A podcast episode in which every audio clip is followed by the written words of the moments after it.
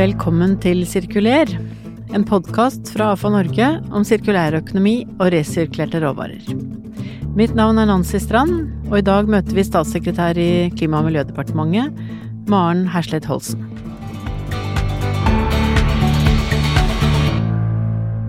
Maren Herslet Holsen er fra Hærland i Indre Østfold kommune.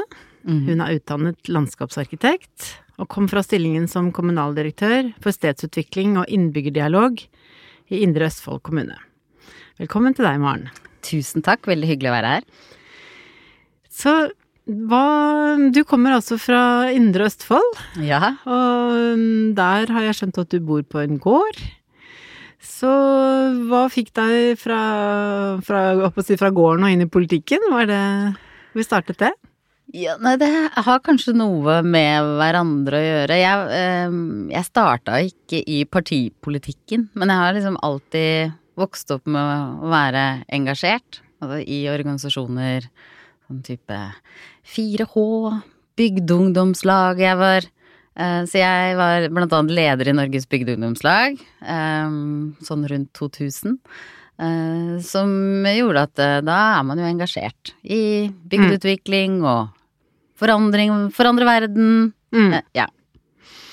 Så sånn, og så ble det mer politisk engasjement etter hvert, da. Ja, så blei det Venstre. Eh, som overraska noen, selvfølgelig, fordi at man eh, tenkte at det var automatikk at det måtte bli et eh, Et annet parti, på et ja. annet parti. Eh, men det var eh, veldig naturlig for meg at det skulle bli Venstre. Mm, mm. Så det er jo litt eh, Altså, jeg er jo vokst opp i Oslo, og det er jo ikke mange kilometer til Indre Østfold, men det er ganske stor forskjell på oppveksten i, i by og bygd, eller? Ja, det er nok det, da. Um, fordi vi ja, vokste opp på gård og uh, det var eh, Jeg husker vi hadde sånn vi, eh, jeg holdt på å si, Apropos eh, sirkulær økonomi, Ja, da, som liksom er tema på, på, ja. denne podkasten nå, eh, så er det jo eh, Prøvd å forklare det til byvenner at vi hadde jo liksom hverdagsklær og skoleklær. Mm. For når du kom hjem fra skolen, så måtte vi alltid skifte Mhm. til hverdagsklærne. Det var for at ikke skoleklærne skulle bli slitt, fordi da var vi ute og jobba. Nå høres det ut som jeg er født på 1800-tallet, men det var jo sånn, vi hadde jo dyr, eh, Mm. og det var alltids noe å gjøre ute. Eh, og det å da ta vare på eh, de fine klærne, Mhm. eh, og ha på seg hverdagsklær, eh, det var en sånn ting som jeg, i hvert fall eh, mine byvenner, ikke har hørt om. Mm, mm. Ja, vi skal komme litt nærmere inn på dette her med by og bygd, men, eh, men nå har du da fått en, eh, en Nå er du statssekretær i, i KLD. Mm. Så mm, hvordan opplever du det? Det er jo bare helt utrolig spennende. Eh, man eh, sitter plassert på altså kanskje det som er det mest spennende politikkområdet, eh, syns jeg, da. Eh, og mange. eh, I forhold til klimautfordringene, eh, naturutfordringene eh, som vi har. Og det å kunne være statssekretær eh, og jobbe med det feltet, er jo drømmejobben. Mm, mm. Men ser politikken veldig annerledes ut når du sitter i, i, som en del av regjeringen, i forhold til å sitte i kommunen? Ja, ja, det er klart man jobber jo på en annen måte. Nå eh, har jo jeg jobba i byråkratiet, da. Mm, Eh, I ja. hvert fall de siste Mm. åra. Eh, men det jeg merker er jo eh, altså det å kunne jobbe som politiker Men jeg har også vært varaordfører Mm. i Eidsberg kommune. Eh, så jeg har liksom vært litt på begge, begge sider. Og det som er utrolig spennende ved å jobbe i et departement, er jo at du har jo, eh, du har jo et embetsverk som er Mm. eh, stødig. Du har de beste folka Ja. på de temaene som Mm. du skal jobbe med. Og det å kunne spille på de, eh, få råd, eh, diskutere eh, politikk med de beste fagfolka, Mm. eh, som du får gjort i et departement, Mm. det er en helt unik mulighet. Ja, ja.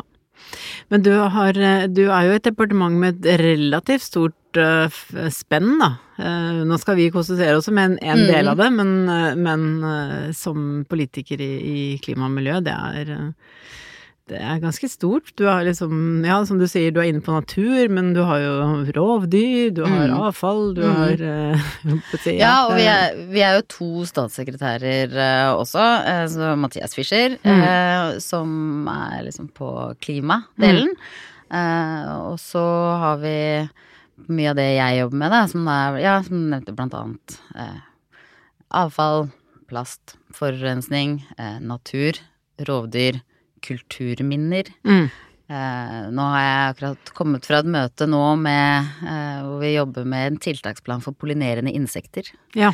som jo er veldig viktig. Mhm. Eh, sånn at det hele det fagfeltet, altså klima- og miljøfeltet, er jo veldig stort.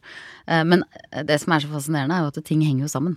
Ja. Hvordan eh, pollinerende insekter henger sammen. Du må få insektene til å pollinere plantene sånn at de vokser og blir mat, eh, og så for ikke å ødelegge naturens ressurser, som igjen handler om Og da er vi tilbake til sirkulær økonomi igjen, da.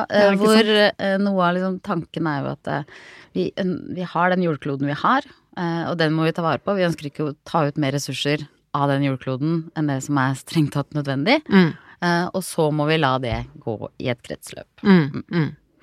Men sånn innledningsvis uh, introduserte deg jo med bakgrunn som landskapsarkitekt, Mm. så du har jo med deg et uh, Det er kanskje ikke så mange politikere som jeg har møtt i hvert fall, som har akkurat den bakgrunnen, da. Så hvordan føler du at det preger arbeidet ditt? Jeg syns det er en uh, kjempenyttig uh, fagbakgrunn å ha. Uh, men når du, og når du er landskapsarkitekt, så er du Du er med på å forme omgivelsene til folk. Uh, om det er uh, i den lille skolegården du skal planlegge, hvordan er det Mm. barna skal leke og oppholde seg der, til den store byen. Eh, Mm. Hvor er det du plasserer boligfelt og grøntområder, og hvordan tar du vare på vannet som renner gjennom byen, sånn at det blir en opplevelse for folk som er der. Det er jo en del av det. Det er jo yrket vårt, eller det er jo Mm. det landskapsarkitekter, for så vidt arkitekter og planleggere jobber med, Men hvordan det påvirker folk, og hvordan du kombinerer det med eh, kulturopplevelser eller andre ting i byen eller på det stedet som du eh, bor, eller det du skaper. Eh, det er jo mye politikk. For Mm. veldig mye av de tingene der henger jo sammen. Det er politikk som former um, hvordan man planlegger byen. Det er politikere som, som vedtar de planene til slutt. Og, eh, og det å se Derfor har jeg kanskje alltid hoppa litt mellom å være fagperson, som jeg har veldig sånn integritet, føler jeg, litt i Mm. faget mitt, i ryggen. Ja. uh, samtidig som du er politiker Mm. og kan være med å påvirke de prosessene. Ja. Og nå skal jo byene Altså det er jo flere og flere som bor i by, og vi blir jo også mer og mer opptatt av at vi får smarte byer, men vi skal jo nå også i mye større grad få sirkulære byer, Mm. hvor vi klarer å utnytte ressursene optimalt, da. Mm. Mm. Så Ja, og det uh, tror jeg vi har vært, eh, i hvert fall de siste åra, blitt bedre og bedre på å planlegge byer ut fra et sånn klimaperspektiv. Vi skal, eh, vi skal passe på at energibruken i bygga er sånn at du ikke har utslipp. Eh, så den delen av planleggingen Vi skal kjøre mindre biler, vi skal sykle og gå mer, vi skal bruke kollektiv, fordi det gjør noe med klimagassutslippet. mm, Eh, Det har vi blitt ganske gode på. Eh, Men det å tenke mm, hele den sirkulære byen, Mm. ved at man tenker at de ja, eh, avløpssystemene og det som kommer ut der, renseanleggene, hvordan man kan eh, dra det videre inn i et biogassystem. Vi veit at dette skjer i dag, under bakken, og veldig mange eh, er jo gode på det her. Jeg veit at eh, mm, avløpsbransjen eh, er, er jo eh, i den eh, sirkulære tankegangen. mm, Eh, men, eh, når man, men når man må planlegge byer, så tror jeg kanskje ikke man tenker så godt på hele den eh, prosessen. Da. mm, At mm, disse tingene henger sammen. mm. At eh, ressursene skal utnyttes, energien skal Ja, utnyttes. hvor du plasserer eh, boligene i forhold til eh, hva du kan få ut av eh, eh, industrien som ligger ved siden av, eller hva butikken kan få ut av at den ligger der i forhold til energibruk og Altså at, det, at den sirkulære tankegangen er også i stort, da. Mm, mm. Det er jo noen spennende prosjekter rundt omkring i landet. Mm. Hvor man nettopp skal gjøre noe med hele bydeler, som, øh, hvor man kan ha muligheten for å Nettopp. sette sånne ting i verk nå, Ja, da. På ja. en mer systematisk måte. Ja. Og vi, på, på produktnivå, hvis vi skal gå liksom ned på de små de liksom mindre delene, da, som eh, Så, så veit vi jo det, og det har jo dere snakka om før òg, at eh, 80% av eh, miljøavtrykket skjer jo liksom i designfasen. Og det er jo det som i by er planleggingsfasen. Mm. Liksom, Hvordan er det du planlegger denne byen, Mm. eh, eller dette stedet, Mm. eller denne nye bydelen, som du sier, sånn at uh, man kan utnytte uh, rå, alle råvarene i en sirkel, sånn at du slipper å bruke, ta ut mer energi. Mm. Du kan bare gå en sirkel. Mm. Eh, og det Så det er, det er en del sånne sammenligninger, da, mellom det som du begynte med å si, at jeg er landskapsarkitekt og planlegger, Mm. eh, til det som faktisk skjer ute i, på produktnivå. Mm. Men er dette til stede, opplever du, på en måte i, ja, i det fagfeltet, da, eller eh, blant de som jobber med planlegging, eh, prosjektering, arkitektur?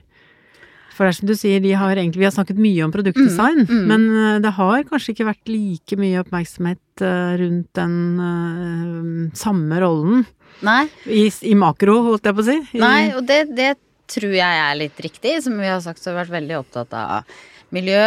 Uh, også, og i enkeltsegmenter så har f.eks. arkitektverdenen har vært opptatt av materialbruk. Mm. Vi skal bruke tre Mm. uh, istedenfor betong, eller altså andre Den type materialbruken Mm, i bygget i forhold til klimafotavtrykket mm, har man vært opptatt av. Uh, men nå ser vi nå at nå er det en del sånne gjenbruk eh, også i um, og i store statlige bygg. Vi har deler av Man kan selvfølgelig diskutere eh, riving av Y-blokka eller regjeringskvartalet, men der er det jo en del av de materialene som har blitt tatt fra R4, som blir brukt, gjenbrukt i andre bygg. Sånn at, eh, og Futurebuilt, som eh, jo er sånn bolig- eh, og eller arkitekturprogram eh, her i Oslo og Akershus i hvert fall, eller Oslo og Viken heter det da, mm. eh, har jo gått foran med masse forbildeprosjekter på klima, og jeg ser at nå er de liksom inne og, og snakker mer om den sirkulære byen. mm, mm. Men det eh, får meg også liksom til å tenke litt på at, eh, at vi som jobber med avfall, vi er jo nå veldig opptatt av Vi har jo sagt at avfall har gått fra å være et problem til å bli ressurs. Ressurs, ja. Mm. Men nå vil vi gå litt lenger. Vi Mm. vil at det skal gå fra å være en, en ressurs til å bli en verdi. Mm. Det er en del av verdiskapingen. Den sirkulære økonomien må ha en Det er den nye økonomien, egentlig. Mm. Det er det vi skal leve av. Mm. Mm. Så um, har vi på en måte fått det eh, nok fram på en måte, innenfor dette feltet her, som nettopp går på planlegging av, av byer, planlegging av bygg, anleggsvirksomhet. Nei, eh, det er ikke sikkert eh, at man har det. For det er klart at eh, Men, men er, alt har jo en kostnad. Eh, Så det er klart at hvis eh, Og det er jo noe med syst- og det er jo noe av det som vi, regjeringa, må jobbe med når vi jobber med en strategi for sirkulær økonomi, eller når man eh, det, eh, jobber med sirkulær økonomi og virkemidler i det hele tatt. Det er jo eh, hvordan du kan få det Vi vil jo at markedet skal funke Mm. eh, av seg sjæl, og da må det jo være noe verdi.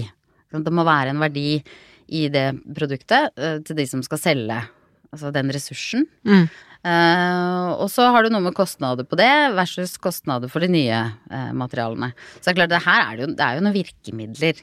Uh, det er jo noen mekanismer, det er noe man kan styre Mm. i det kretsløpet der. Mm. Men hvorvidt liksom, Men vi trenger kanskje mm, Vi trenger kanskje noen virkemidler, i hvert fall for å få dette hva skal jeg si, for noe mer i gang, da.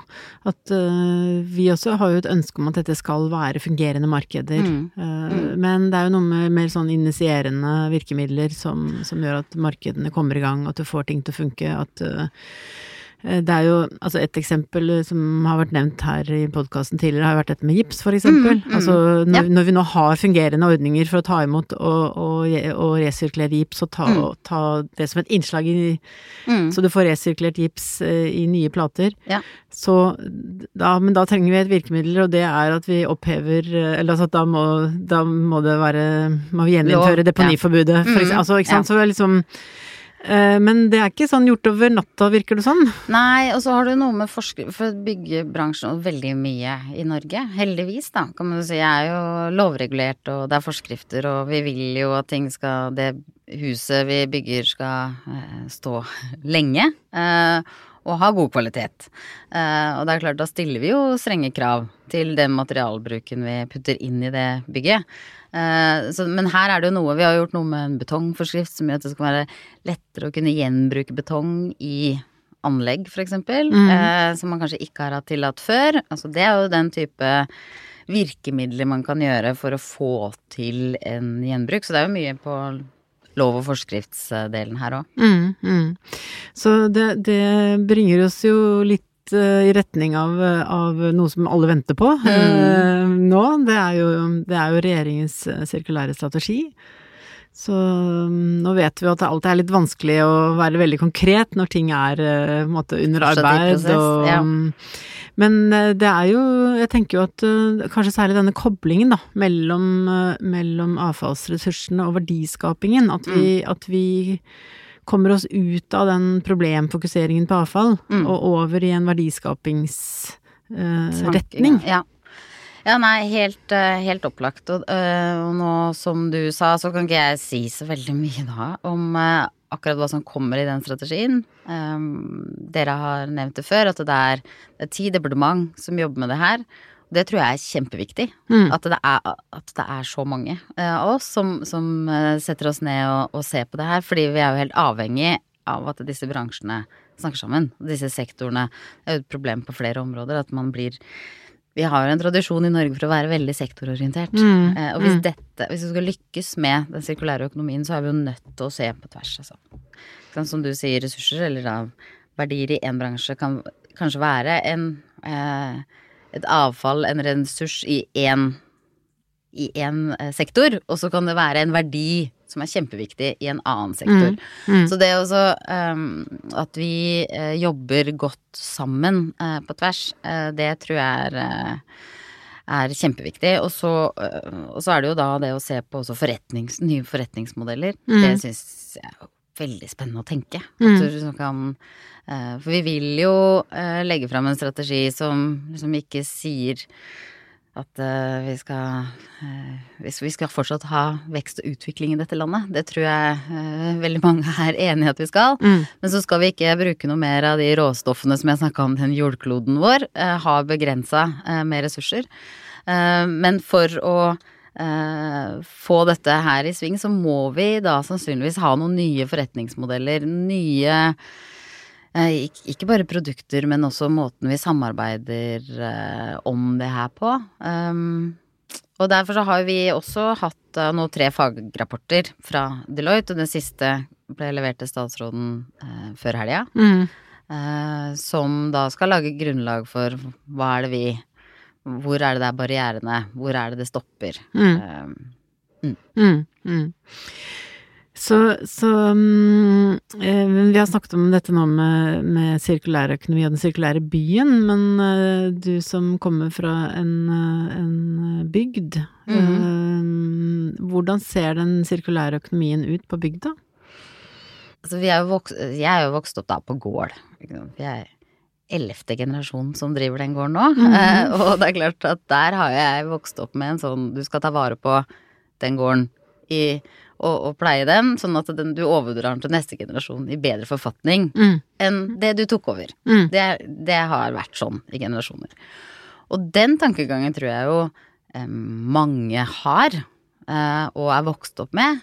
Um, så, så, hvis det kan transformeres eh, til eh, bygda som sådan, så jo, det er jo det en veldig styrke. Mm, mm. Ja, det er jo Plutselig tenkte jeg ja, men dette er ikke rette definisjonen på bærekraft, egentlig? Jo, det er jo akkurat det det er. Ja.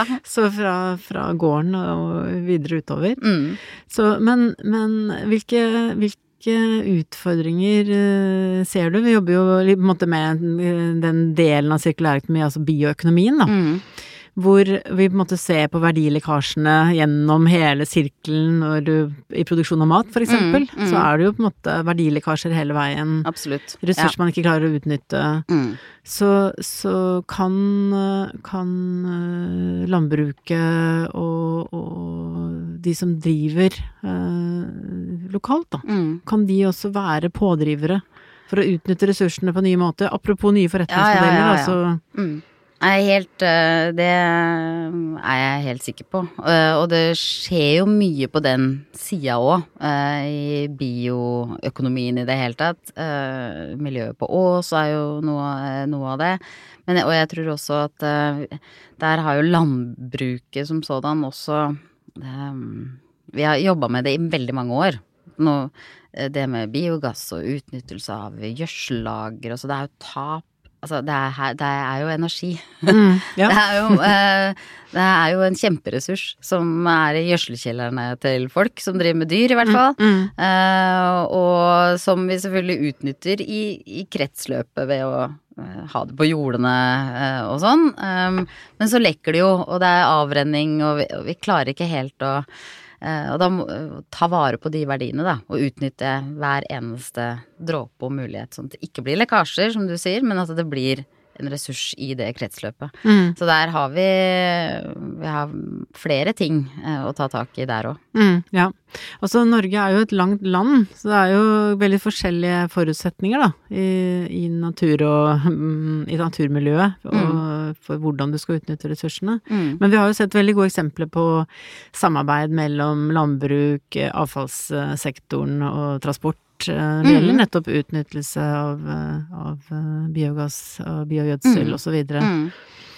så det, det, det, åpner seg jo noen spennende forretningsområder etter hvert også. Ja, ja, ja. Og sånn som Ja, nå er jo jeg fra Østfold, eh, så jeg, jeg har liksom vokst opp med også at Borregaard er jo liksom vår eh, sånn pionerbedrift på hvordan man utnytter tre, for mm. eksempel, mm. til masse forskjellige produkter. Uh, og, det, og, den tankegangen der, da, altså den innovasjonen som har skjedd der, og det å transformere det over til andre produkter, andre varer, i den grønne uh, økonomien, mm. uh, det um, Ja, det er en inspirasjon, og vi har opplagt Eh, mer å hente på innovasjon, forskningskompetanse på dette, mm. eh, sånn at vi eh, ja, blir flinkere til å se mulighetene, rett og slett. Mm. Du snakker veldig fint om dette med å vokse opp på gård, og hvordan eh, denne følelsen av at dette er noe du skal ta vare på, du står i en tradisjon, du skal ta vare på den for dine etterkommere igjen, mm. Eh, tror jeg sitter veldig, uh, sitter veldig godt uh, når man vokser opp på gård, da. Mm, mm. Men når man vokser opp i byen og lever i byen, uh, så hvordan kan man overføre noe av den samme med følelsen av å stå i en, i en sammenheng mm. man, uh, i byen? Ja, det er jo Det er jo interessant. Jeg tror jo og det har jeg jo heldigvis lært, at det, det, er jo mange som eh, vokser opp i byen som har det samme liksom, nære forhold til kanskje nabolaget og, og ja. huset og familietradisjoner og sånn, som vi som vokste opp uh, på, på gård. Uh, heldigvis. Uh, men det er klart at det, det er jo ikke i like stor grad at man tar over det huset eller det liksom Og du har ikke an... Det, det offentlige har jo ofte et ansvar for parker og grøntområder og planlegging av byen, og også at eh, liksom avfallssystemene sant, mm. fungerer, og eh, det kommer noen og, eh, og, henter avfallet ditt, og du må liksom Ja. Eh, det er jo en del av det offentlige mm. Eh, som, eh, som, gjøres. så Men jeg tenker jo at mange av oss kjenner jo på et sånn personlig ansvar mm. også for det, og det tror jeg det tror jeg er bra. Altså, samfunnet fungerer sånn at det er noe av det som er det offentlige sitt ansvar, og så er det noe av det som er eh, ditt eh, private ansvar for, eh, som en del av et samfunn. Mm.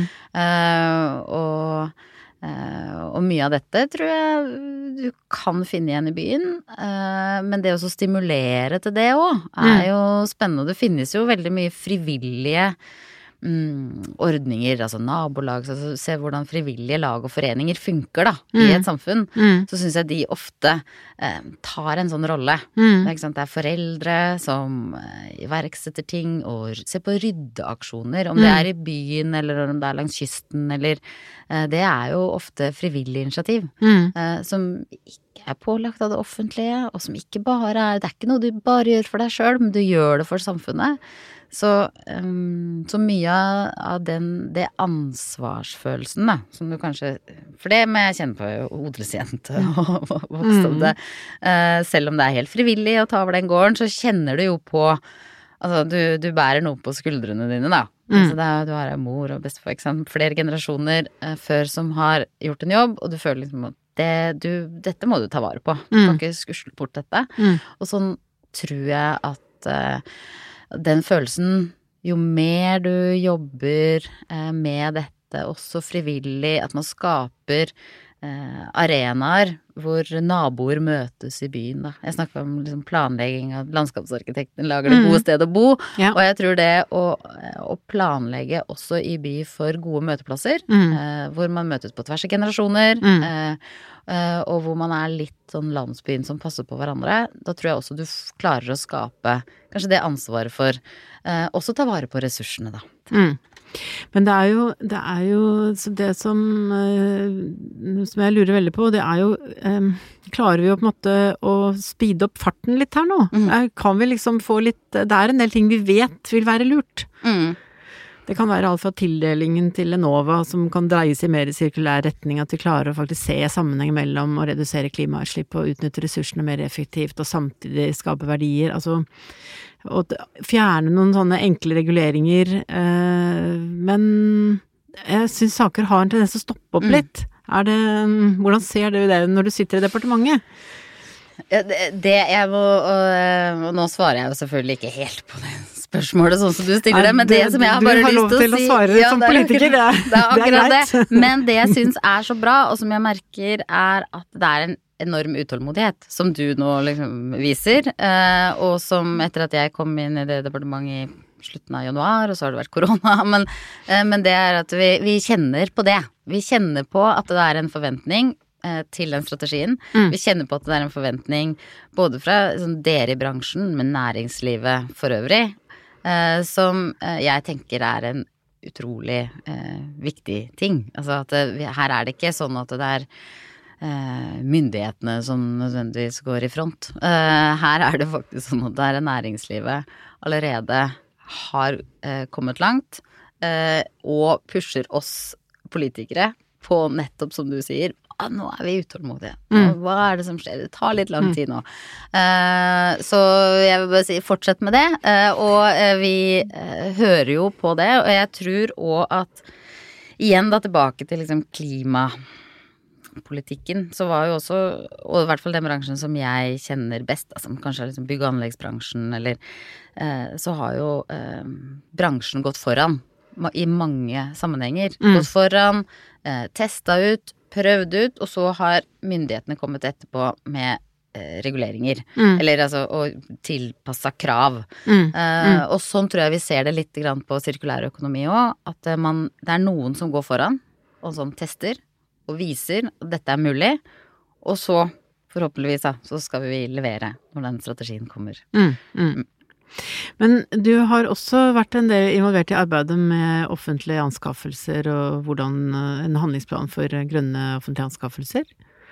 Um, Vi jobber med en sånn handlingsplan uh, for offentlige anskaffelser, og det er klart at eh, når er det 500 milliarder kroner eller noe sånt som brukes av det offentlige eh, til å eh, sette ut bestillinger, eh, så er det klart det må brukes på en måte, og det har vi jo også gjort på andre områder eh, tidligere, eh, og som eh, er jo et, opp, et opplagt virkemiddel nå på, på hvordan du kan vri det offentlige innkjøpet Mm. til å bli mer sirkulært. Og stimulere til den sirkulære tankegangen, da. Mm. Men siden du nevnte det med at næringslivet um, går foran øhm, på mange områder. Så ja, det er et område som jeg faktisk syns er litt lite fokusert på, og det er kombinasjonen av offentlige anskaffelser og private anskaffelser. Altså næringslivet Ja. har jo et handlingsrom i forhold til å stille krav. Så klarer man å få den synergien at eh, på en del områder så er det, er det vanskeligere for næringslivet å gå foran. Mm. Det, kan ha med, det kan ha med risiko, det kan ha med type anskaffelser å gjøre, hvor det offentlige Må gå foran, må, må gå foran. Mm, mm. Så det er en sånn men jeg blir, kan, klarer vi å adressere den, sånn at vi klarer å utnytte fortrinnet til, eh, til der hvor drivkraften ligger i næringslivet, og der hvor drivkraften ligger innenfor det offentlige? Ja, det tror jeg jo på eh, innovative anskaffelser, for eksempel, som jo er et sånt virkemiddel hvor, eh, hvor vi har mulighet også til å se på, sa, em, på samarbeidsprosjekter òg, Mm. med det private. Mm. Eh, hvor eh, det offentlige kan stå for deler av det. Eh, samarbeid med private eh, aktører inn i prosjekter. Eh, som man kan være ja, se litt rundere på veldig mye liksom prisregimer, kvalitetsregimene, hvor det er innovasjonen i seg sjøl som er drivende. Mm. Eh, Det er klart, der er det, det er mye å hente der. Mm, mm. Men um, jeg har litt, lyst litt sånn avslutningsvis å gjøre et bitte lite forsøk til når det gjelder den sirkulære strategien. For det er ett tema som er eh, høyt på agendaen i bransjen, og det er dette med EUs mål. Mm. Eh, fordi det blir jo ofte henvist til at her er det jo noe, et regelverk som er under utvikling i EU, eller eh, vedtatt i EU, og vi må, der er det jo en naturlig tilpasning gjennom Mm. EØS-avtalen osv. Men det er ett område som jeg syns er vanskelig å få svar på, og det er de konkrete målene Målsettingene. i, i um, rammedirektivet for avfall i EU. For der er det jo vedtatt nå veldig ambisiøse materialgjenvinningsmål, Mm. og bransjen har jo allerede begynt å, å jobbe ut ifra at det er sånn det blir, men det, fortsatt så venter vi på det signalet om at eh, ja, disse eh, Med et punktum etter. Ja, Mm. disse målene skal også innføres i norsk politikk. Og jeg kommer ikke til å svare på det nå, men jeg håper at du får et svar på det når vi legger fram strategi. Ok. Da får det bli siste ord i dag. Da sier jeg tusen takk til deg, Maren, for at du kom til podkasten. Tusen takk, det var veldig hyggelig. Så tusen takk til dere som hørte på, og takk til vår produsent Soundtank. Og har du innspill, så send det gjerne til sirkuler.afonorge.no. Så vi høres igjen. Ha det bra!